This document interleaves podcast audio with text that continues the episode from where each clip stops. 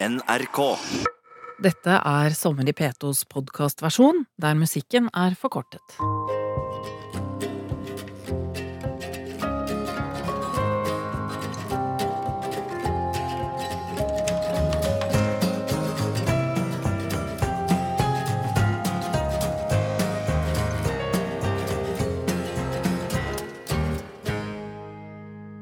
Det er en uskreven regel i bransjen at du aldri skal fortelle offentlig om hvordan en film egentlig ble til. Du har kanskje lagt merke til det at idet filmen skal promoteres, snakker alle aktørene grenseløst pent om hverandre. Det var fantastisk å jobbe med den skuespilleren, den regissøren, manuset var ubeskrivelig, for en stab, et helt utrolig fantastisk opplevelse, ja ja, det var hardt, men å mann, jeg ville aldri vært det foruten. Alle skjønner jo at sannheten nesten alltid er en annen, og i dag tenkte jeg at jeg skulle fortelle noen andre historier fra filmbransjen enn de du vanligvis får høre. Så hvis du ikke er interessert i å få justert dine filmbransjemyter, kan du like godt skru av radioen nå. Hvis du fremdeles er her, kan jeg fortelle deg at et vittig hode en gang sa at filmbransjen er litt som grillpølsa. Du vil ikke vite hva den er laget av, eller hvordan den er tilvirket. Hvis du fikk vite det, ville du aldri spise pølse igjen. Dette er ikke nødvendigvis sant, eller det er ikke sant om alle pølser. Noen pølser er laget på sunt og vettig vis. Mange pølser har greie etiske verdier. Og i mitt stille sinn håper jeg jo at den pølsa som er tilvirket på en god måte, også har en bedre smak enn den pølsa som er laget på dritt og gamle tarmer. Jeg heter Nicolai Frobenius og er forfatter. I tillegg til å skrive bøker har jeg siden midten av 90-tallet jobbet som manuskriptforfatter i film- og TV-bransjen. Det er dette jeg skal snakke om i sommer i P2 i dag. Jeg har opplevd mye gøy i filmbransjen, men jeg har også stirret ned i noen mørke grøfter. Da jeg våren 2018 fikk se den ferdige klippen til spillefilmen Mordene i Kongo, tenkte jeg hvor i helvete ble det av manuset jeg skrev? Hvor er tvilen? Hvor er perspektivene? Dette er manusforfatterens helvete, og gjenkjennelig for alle som har jobbet noen år med å skrive manus for film- eller TV-produksjoner. Det kan så klart skje at teamet kommer på sett og oppdager at ikke alt kan gjøres slik som det står i manus. Og heldigvis er det sjeldent at manusforfatteren ikke kjenner igjen noen ting fra manuset i den ferdige filmen. Hvis manusforfatteren er misfornøyd, vil alle at du skal holde munnen. Produsenter, skuespillere, regissører, distributører. Alle vil at det som kommer ut av munnen din om den ferdige filmen, er positivt prat. Det er forståelig. Det står penger på spill, prestisje. Men denne gangen var det vanskelig. Jeg klarte ikke la være å tenke at den ferdige versjonen av mordene i Kongo var fortalt på helt feil måte. For meg ble dette et veivalg som ikke bare handlet om profesjonell stolthet, men som også handlet om et etisk valg. Hvorfor skriver jeg? Hva er det jeg vil med å skrive? Hva er det jeg står for som forfatter?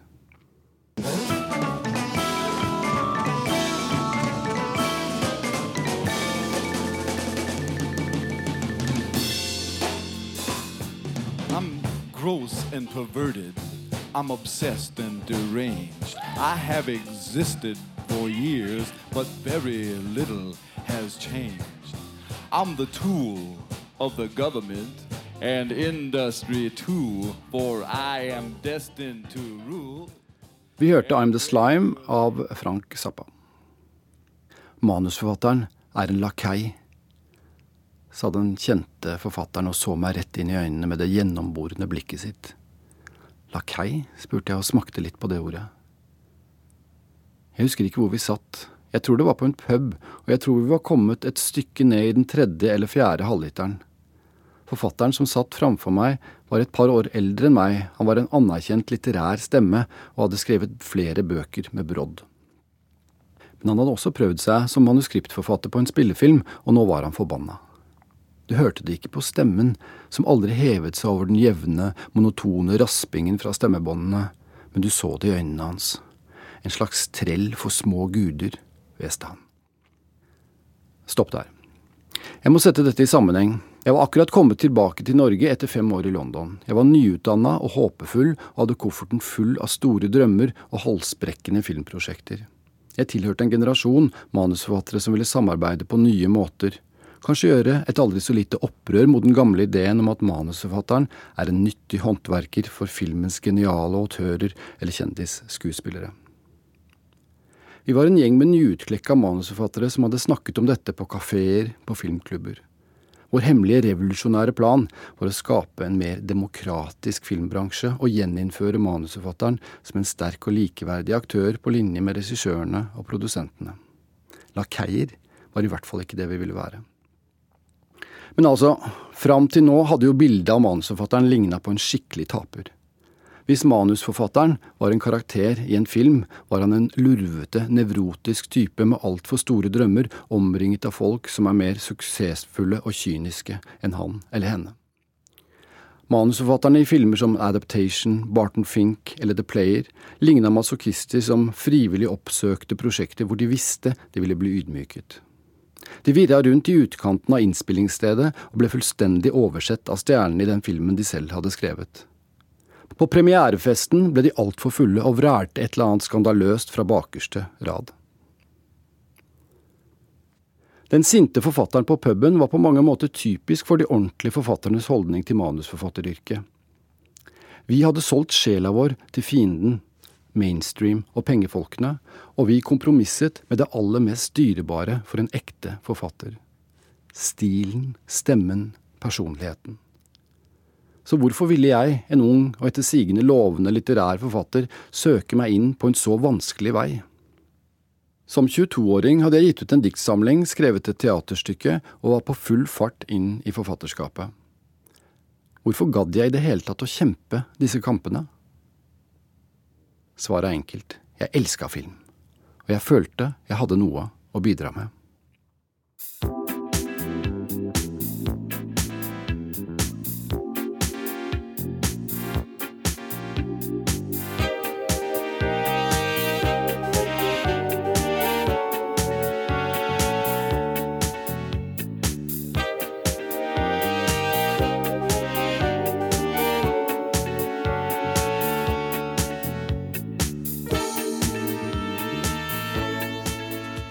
Du hører på Sommer i P2. Jeg heter Nicolai Frobenius, og i denne timen forteller jeg om mine opplevelser i filmbransjen.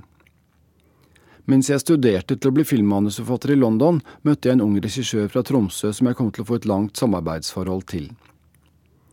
I en kjellerleilighet i Vest-London begynte vi så smått å snakke om et prosjekt som skulle bli vår debut og gjennombrudd på den store filmscenen.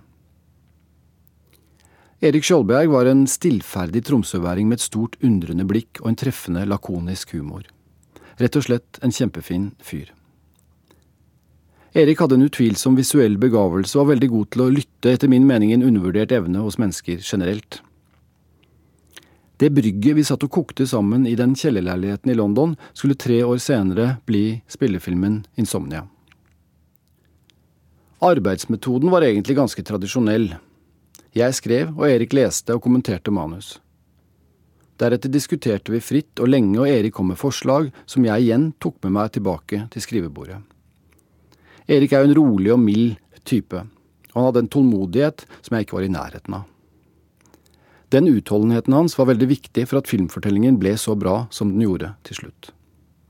Erik ga seg aldri, han lette hele tiden etter nye innfallsvinkler, nye felt vi kunne utdype og forbedre. Men det var alltid med en sånn sjenerøs nysgjerrighet, et vitebegjær, som var smittende. Da vi kom hjem til Norge, begynte vi å presentere manus- og regikonsept for produsenter og filmkonsulenter i Norge, og da Insomnia gikk i opptak i Tromsø i 1996, hadde den vært gjennom 16 manusutkast og tre filmkonsulenter. Likevel husker jeg dette som en god prosess. Vi hadde hele tiden tro på at denne fortellingen hadde noe spesielt ved seg. Vi hadde håpet. Gjennom hele prosessen snakket vi masse om film, filosofi, psykologi, karakterer, stil, lys, mørke. Vi så masser av film sammen og diskuterte dem, og vi prøvde å finne en helt egen vei med akkurat denne filmen. Vi ville lage en eksistensiell thriller. balansegangen mellom spenning og utforskning av rare mentale landskap, var det som gjorde det så fascinerende og utfordrende. Ideen til Insomnia fikk jeg fra en detalj i en kriminalroman av de svenske kultforfatterne Cheval og Vale. I en av bøkene deres kommer politimannen Kolberg til å skyte en kollega i et ulykkestilfelle, og plages av det senere. Den detaljen ble hengende ved meg, og jeg tenkte hva om politimannen var satt i en situasjon der han ikke fortalte ærlig om hva som hadde skjedd, men snarere dekket det til? Kanskje var det en mulighet han ble gitt, og som han grep, men som i samme øyeblikk gjorde ham til en løgner og en lovbryter. Løgnen redder ham ut av en knipe, men plasserer ham i en annen, mer eksistensiell knipe som potensielt kan ødelegge alt han har oppnådd, og gjøre han om til en av de han jakter på. Insomnia ble en forløper til en sjanger som senere skulle bli stor i hele filmverden og bokverden, den nordiske noiren. Filmen er ikke en tradisjonell thriller, men like mye et drama om en politimann som blir konfrontert med et dilemma. Han kjemper for å opprettholde sitt gode navn og rykte, men stenger seg inne i en løgn.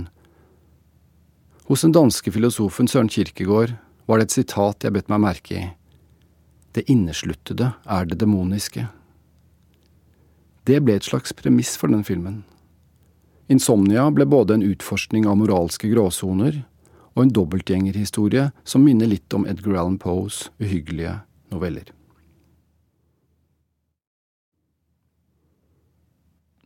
På slutten av 90-tallet var jeg med å danne kontorfellesskapet Screenwriters Oslo. Her flyttet en gjeng manusforfattere inn for å revolusjonere norsk filmbransje med ny kunnskap om manusfaget, store doser pågangsmot og en litt svakere realitetssans. Vi fant noen skikkelig lugubre lokaler på bunnen av byen, blant storbyens menneskelige slum. Mellom halliker og horer, uteliggere og narkomane slo manusforfatterne seg ned. I Skippergata lagde vi oss en liten, skitten, fredelig oase av konsentrasjon. Det er blitt sagt at filmbransjen er en av de få moderne arbeidsplasser hvor ansatte aksepterer å jobbe under diktatoriske forhold. Vi mente dette var gammeldags, og at filmene kunne bli vel så gode med en mer demokratisk og kollektiv innstilling. Vi ønsket oss ikke flere innbilske generaler. Vi ønsket bedre samarbeid, mer innsikt, mer gjensidig respekt. Vi ønsket oss en mer moderne film- og TV-bransje.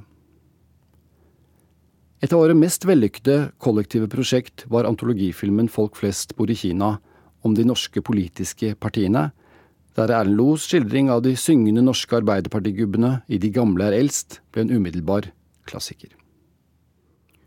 På filmskolen lærte jeg at en manusforfatter ikke har noe på et filmsett å gjøre. Jeg hadde i utgangspunktet ingen intensjon om å bryte min gamle manuslærers regel, men så ble jeg kontaktet av produsent Turi Øversveen med en uvanlig forespørsel. Hun hadde skaffet rettighetene til en novelle av Ingvar Ambjørnsen, og lurte på om jeg kunne tenke meg å dra på en hyttetur sammen med regissør Marius Holst for å skrive et filmmanuskript på åtte uker og være med til Sverige for å spille det inn den sommeren. Jøss, yes, tenkte jeg, det høres jo ut som ren galskap. Filmproduksjon er vanligvis tålmodighetskrevende greier. Insomnia tok det over tre år og 16 ulike manusversjoner å lage. Var det i det hele tatt mulig å gjøre en film på fire måneder? Uansett svarte jeg ja. Kanskje ble eventyrlysten rett og slett for stor. Og filmen Øyenstikker var et vilt eksperiment fra begynnelsen av. Regissør Marius Holst sine overtalelsesevner og et godt manus klarte å overbevise et stjernelag fra nordisk film til å være med. Michael Persbrandt, Kim Bodnia og Maria Bonnevie. Det skulle vise seg å være en eksplosiv miks. Filmens produksjon var inspirert av den danske dogmebevegelsen. Det skulle være enkelt, raskt og rått. Hele teamet var innkvartert under svært enkle forhold på en bondegård i Sør-Sverige. Skuespillere, produksjonsteam og teknisk stab bodde på samme sted og spiste og sov, festet og jobbet i samme barakker. Jeg bodde i en gammel campingvogn bak settet og skrev scener før og etter tagning. Ofte satt jeg og skrev langt utover natta på scener som skulle spilles inn bare noen få timer senere. En natt brant låven ned, og teamet ble rushet til innspillingsstedet og ankom før brannvesenet, slik at vi fikk filmet den brennende låven. Deretter ble det min jobb å prøve å skrive brannen inn i manus. Øyenstikker er en karakterdrevet ensemblefilm, og i løpet av prøvetiden jobbet vi tett med skuespillerne. Det gikk over stokk og stein i den svenske skjærgården, men det var inspirerende å se regissør Holst på settet og Kim Bodnias method acting og Maria Bonnevies finstilte skuespill. I én scene holdt det imidlertid på å gå over styr. En av de siste opptakene i filmen var den endelige oppgjørsscenen mellom de to mannlige karakterene. Det var en spesiell blanding av forbrødring og rivalisering mellom Bodnia og Persbrandt. Begge var jo ville gutter som kunne være både hudløst sårbare og truende. Persbrandt var etter hvert blitt ganske irritert på Bodnias method acting-stil, som ofte førte til at hele settet måtte vente på at Kim skulle komme i rett stemning. Men ofte tok det ikke mer enn et mikrosekund for Kim å skifte over i velkjent psykopatmodus. I oppgjørsscenen vandret Kim i kjent stil hvileløst fram og tilbake og ble stadig mer demonisk i blikket, mens Michael syrlig bemerket. Du trenger ikke kvele meg på ordentlig, vet du, Kim. Du kan bare legge hendene rundt halsen min, og så spiller jeg resten. Men Kim var etter hvert begynt å bli lei av Mikkes arroganse. Plutselig gyver den store dansken løs på Persbrandt og legger ham i bakken så fort at kameramannen nesten ikke får det med seg. Det var et selsomt skue å se de to store mennene tumle rundt på asfalten midt på natten, som om grensene mellom spill og alvor var løst helt opp. Det er flere øyeblikk fra denne innspillingen som har brent seg fast i hugen. Det er avslutningsfest. Klokken er åtte om morgenen. Det er morgensol over den rødmalte sørsvenske stuen. På innsjøen summer insektene. Skuespillerne og teamet har jobbet sammenhengende i 18 timer, og de siste to timene har det vært wrap-fest med punch og champagne og sigarer. Jeg sitter i en taxi og venter på å bli kjørt til flyplassen. Jeg er utslitt. Hodet kjennes som det er fylt av sement som langsomt begynner å stivne, og jeg glipper med øynene. Foran meg ser jeg Michael Persbrandt kliss naken på en damesykkel. Han har en stråhatt på hodet og han skråler en gammel romantisk svensk ballade mens han sykler rundt og rundt på tunet framfor meg. Det er noe med dette synet som er vanskelig å glemme. Kontrasten mellom den nakne, høyreiste Persbrandt og den skrøpelige damesykkelen.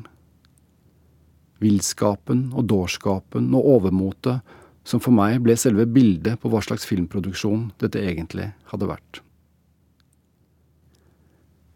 Kunstnere investerer personlig i sitt arbeide, hvis det ikke kjennes personlig og nødvendig, blir ikke resultatet godt nok.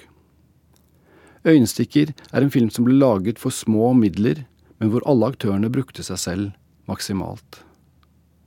Selv om Persbrandt og Bodny er to karer som stjeler mye oppmerksomhet, var det likevel Maria Bonnevies spill som gjorde sterkest inntrykk på meg.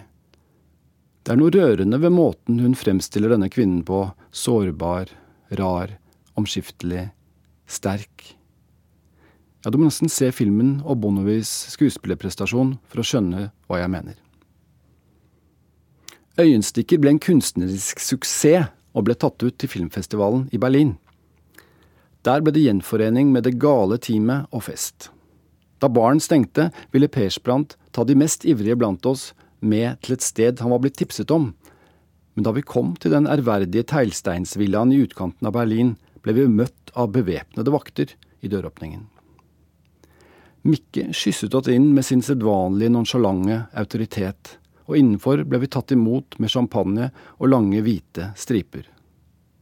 Først nå skjønte Persbrandt at tipset han hadde fått, var temmelig ubetenksomt. Da vi så oss rundt, skjønte vi jo at dette rett og slett var et mafiastyrt horehus, og at det bare var å se seg om etter nødutgangene.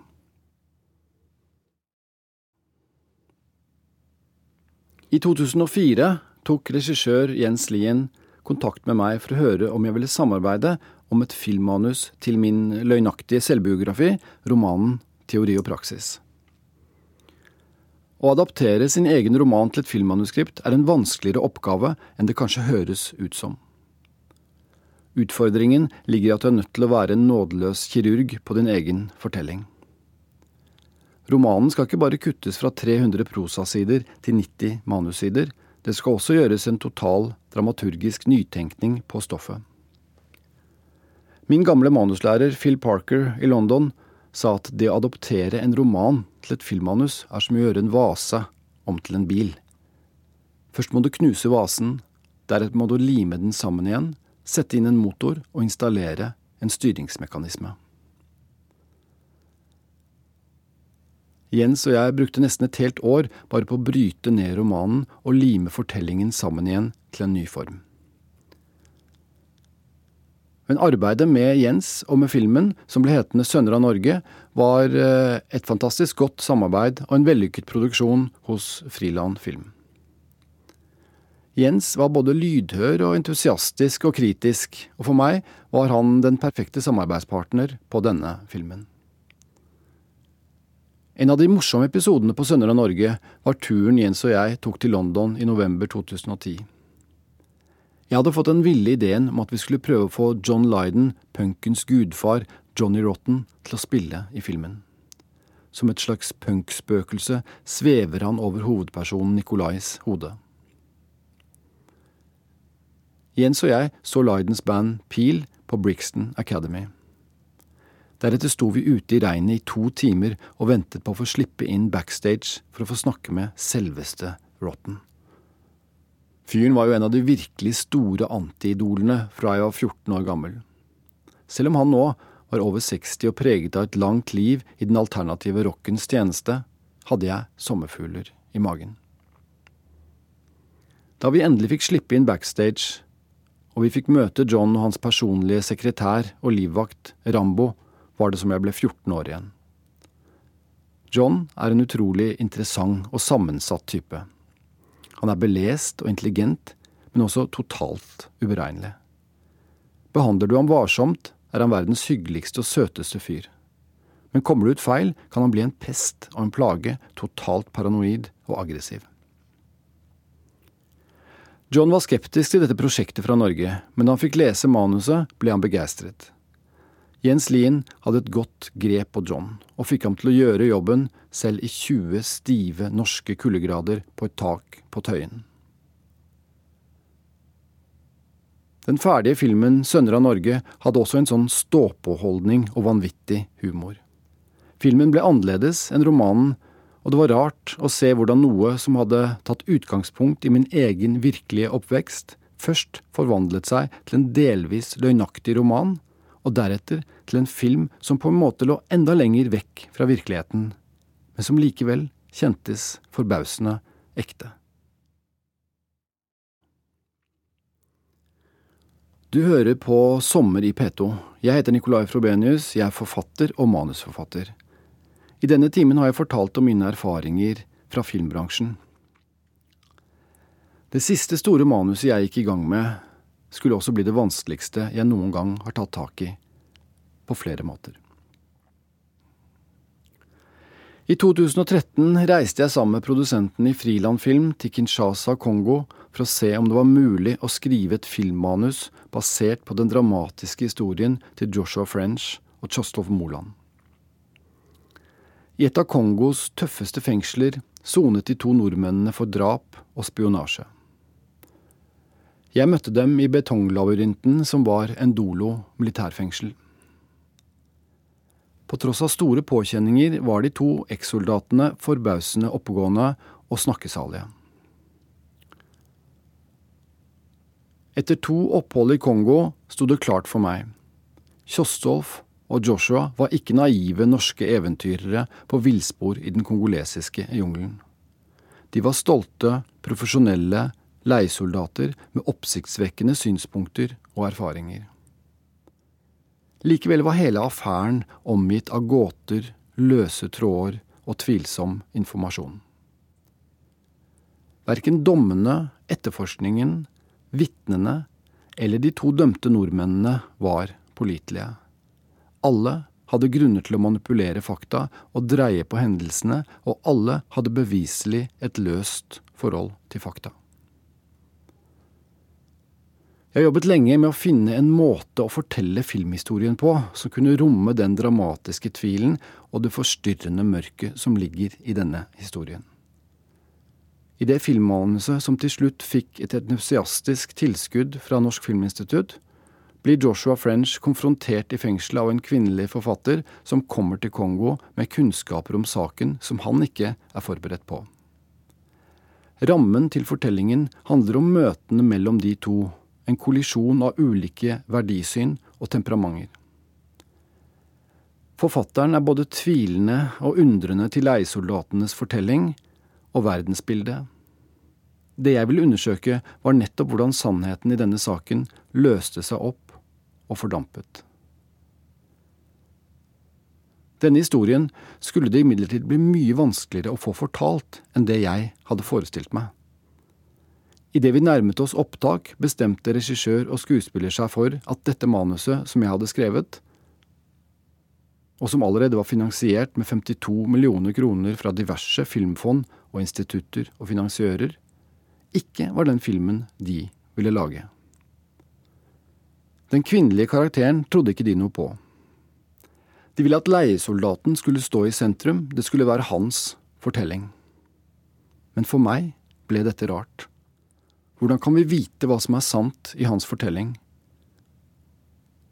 I løpet av 2016 drev filmens aktører fra hverandre, og jeg innså til slutt at vi ikke ønsket å lage den samme fortellingen. Mot slutten av 2016 forlot jeg prosjektet. Og da jeg omsider fikk se den ferdige filmen, følte jeg at den nye fortellingen dekket til tvilen og de betente sidene ved Moland og French sin virksomhet i Kongo, og deres politiske og ideologiske holdninger. For meg ble det både romantisering og mytologisering av en ekstrem krigerholdning som står langt vekk fra mitt verdisyn så skulle jeg holde tett og godta det nye bildet av eventyrerne i Kongo, når jeg visste at sannheten var mye mer forstyrrende? Skulle jeg bukke hodet og akseptere at jungelens lov hadde funnet ut at det beste for alle var å fortelle en penere versjon av historien fra Kongo? Kunne jeg sette navnet mitt på en film jeg ikke sto inne for, og som jeg ikke lenger hadde skrevet? Jeg hadde ikke noe annet valg enn å trekke meg. Jeg var aldri i tvil om at Kongosaken hadde i seg en fantastisk filmfortelling om overmot, om hvordan to hvite leiesoldater går i sin egen felle i den kongolesiske jungelen. Men konfliktene herjet denne filminnspillingen. I løpet av mine 25 år i filmbransjen har jeg jobbet med mange sterke og talentfulle mennesker, men de fleste er også dyktige til å lytte og til å samarbeide. På mordene i Kongo var det til slutt flere konflikter enn samarbeid, og folk brukte mer tid på å kjempe mot hverandre enn for en felles film. Det lå en del grubling bak beslutningen om å skrive min egen romanversjon av fortellingen fra Kongo. Men jeg følte at min beretning var blitt revet i stykker, og at den kunne være viktig. Jeg ville sette hovedpersonen i et forgiftet landskap hvor det var umulig å vite hva som var sant og hva som var løgn, og jeg ville se hva tvilen og usikkerheten gjorde med ham. Det lignet jo mye på en velkjent, moderne sinnstilstand. Hovedpersonen skulle være en manusforfatter på oppdrag i Kongo. Det skulle ligne på virkeligheten, men det skulle ikke være nøyaktig som virkeligheten, for merkelige ting skulle skje, og skillene mellom det virkelige, sanne og løgnaktige skulle blande seg i hverandre. Arbeidet med romanen Kongonotatene ble en viktig selverkjennelse for meg. Hadde jeg tenkt grundig nok på hvorfor jeg ville fortelle denne historien da jeg gikk inn i dette filmprosjektet? Var jeg undrende og kritisk nok? Etterpå har jeg tenkt mye på dette. Hvorfor forteller vi? Hvor står vi når vi forteller? Hvordan påvirker fortellerståstedet etikken i det vi forteller? Den franske filmskaperen Jean-Luc Godard har sagt hver eneste kamerainnstilling er et moralsk valg. Dette berømte sitatet ble i løpet av prosessen svært tydelig for meg. Du kan ikke lage en apolitisk film om to hvite nasjonalister i Kongo. Det hviler et ansvar på deg når du forteller en historie, og det ansvaret er det din plikt som forfatter å ta på det største alvor. Det betyr mer enn penger og prestisje, det betyr mer enn oppmerksomhet, for det er faktisk hjertet i det du driver med.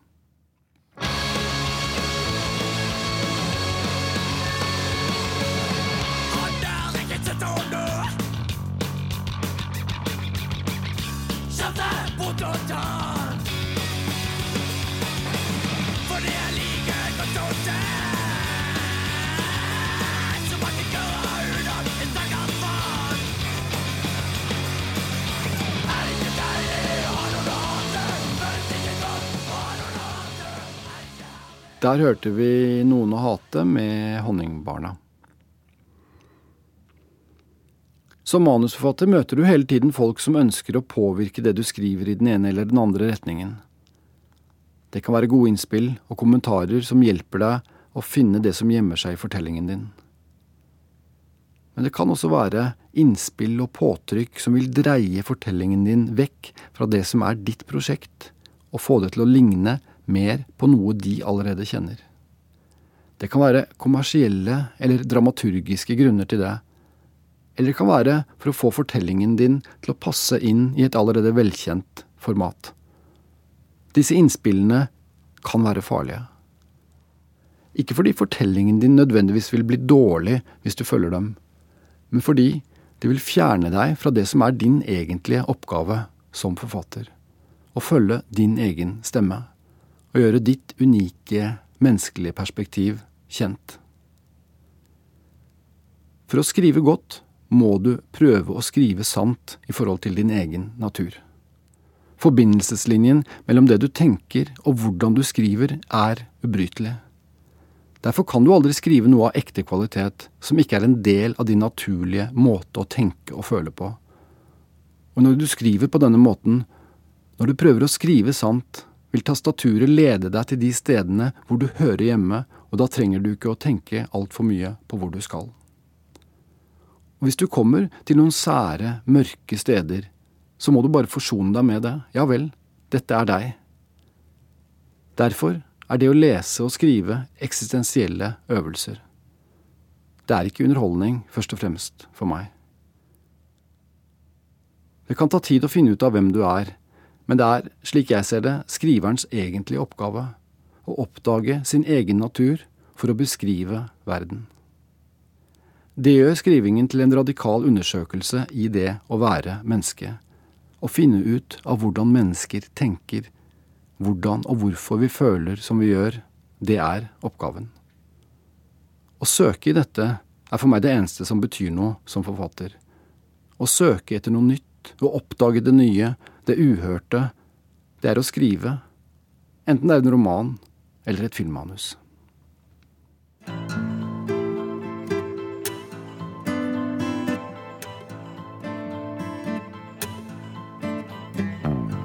think I should buy you a car? Why? Because Elvis did? Oh, come on.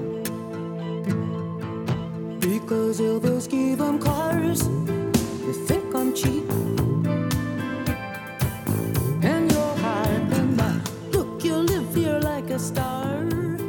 Du har hørt Sommer i P2 med Nicolai Frobenius. Hilde Tosterud hadde det tekniske ansvaret. Janne Kjellberg var produsent. Dersom du vil høre radioversjonen med all musikk, kan du finne den på NRK Radio, på mobil, nettbrett eller PC.